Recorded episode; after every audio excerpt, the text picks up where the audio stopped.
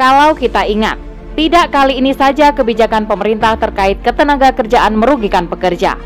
Misalnya, Undang-Undang Cipta Kerja dan peraturan turunannya yang terlihat zalim terhadap pekerja. Semua lebih berpihak kepada korporasi.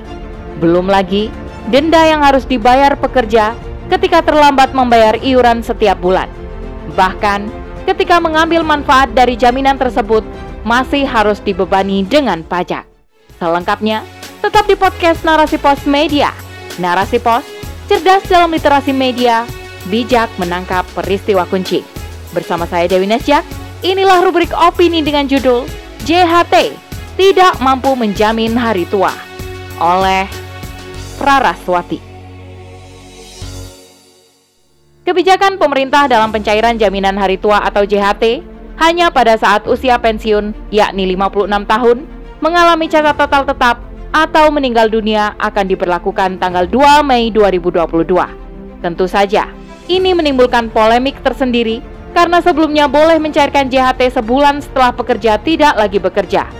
Apa mungkin ini menunjukkan menurunnya kondisi keuangan dan kinerja BPJS Ketenagakerjaan? Padahal, dana JHT diharapkan dapat meringankan beban setelah tidak lagi bekerja. Namun kenyataannya, jauh dari harapan alih-alih meringankan, Peraturan Menteri Ketenagakerjaan atau Permenaker tentang tata cara dan persyaratan pembayaran manfaat jaminan hari tua atau JHT justru mengundang masalah baru. Pasalnya, mereka butuh modal kerja ataupun untuk memenuhi kebutuhan selama belum memiliki penghasilan pasca PHK.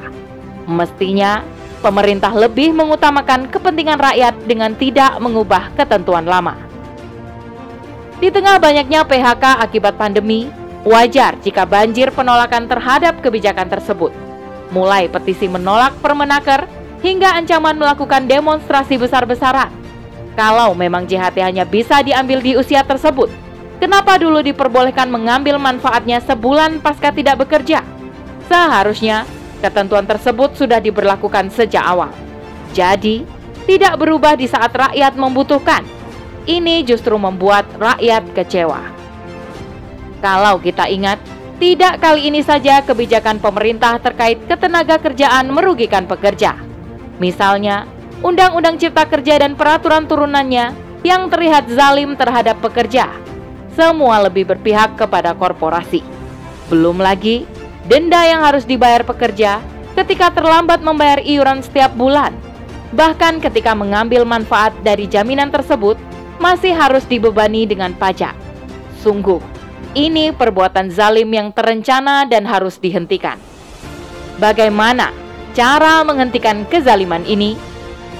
Karena kezaliman ini telah direncanakan oleh sistem salah, maka hanya dapat dihentikan dengan sistem yang benar. Dikatakan sistem salah karena peraturannya dibuat berdasarkan pemikiran manusia. Sedangkan manusia memiliki banyak keterbatasan yang tidak mungkin membuat peraturan yang dapat mencakup kemaslahatan umat, apalagi alam semesta. Pasti, aturan yang dibuat manusia pada akhirnya hanya mengutamakan kepentingan pribadi atau kelompok, menuruti hawa nafsu yang berakibat merugikan pihak lain. Hal ini tentu berbeda dengan sistem sahih atau benar, yaitu peraturan yang bersumber dari Allah Pencipta manusia, alam semesta, dan menguasai kehidupan.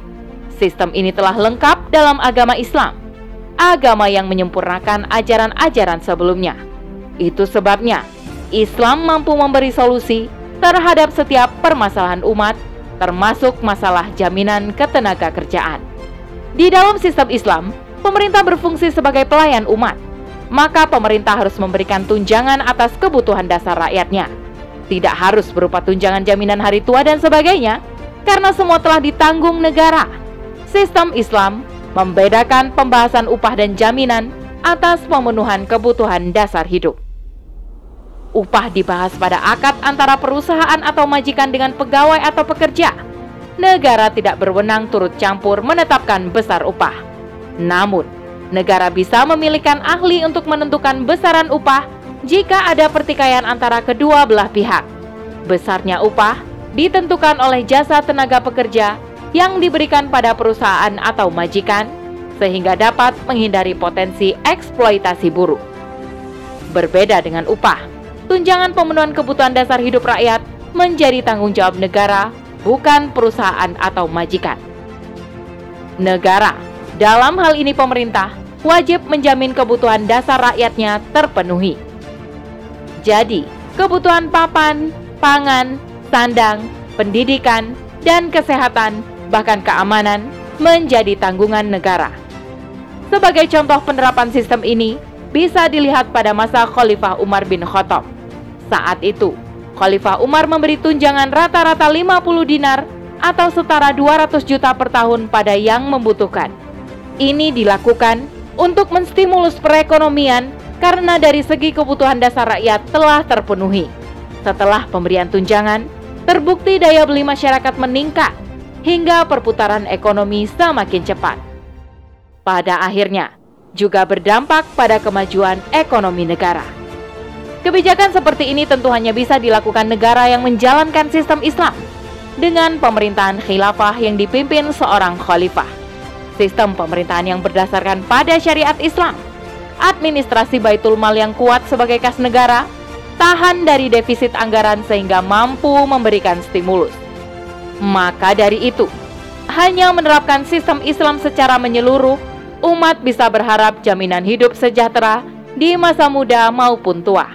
Semua itu dapat terwujud jika umat bersatu memperjuangkan tegaknya kembali khilafah alamin hajin nubuah. Wallahu a'lam bisawab. Demikian rubrik opini kali ini. Sampai bertemu di rubrik opini selanjutnya. Saya Dewi Nasyak undur diri. Assalamualaikum warahmatullahi wabarakatuh.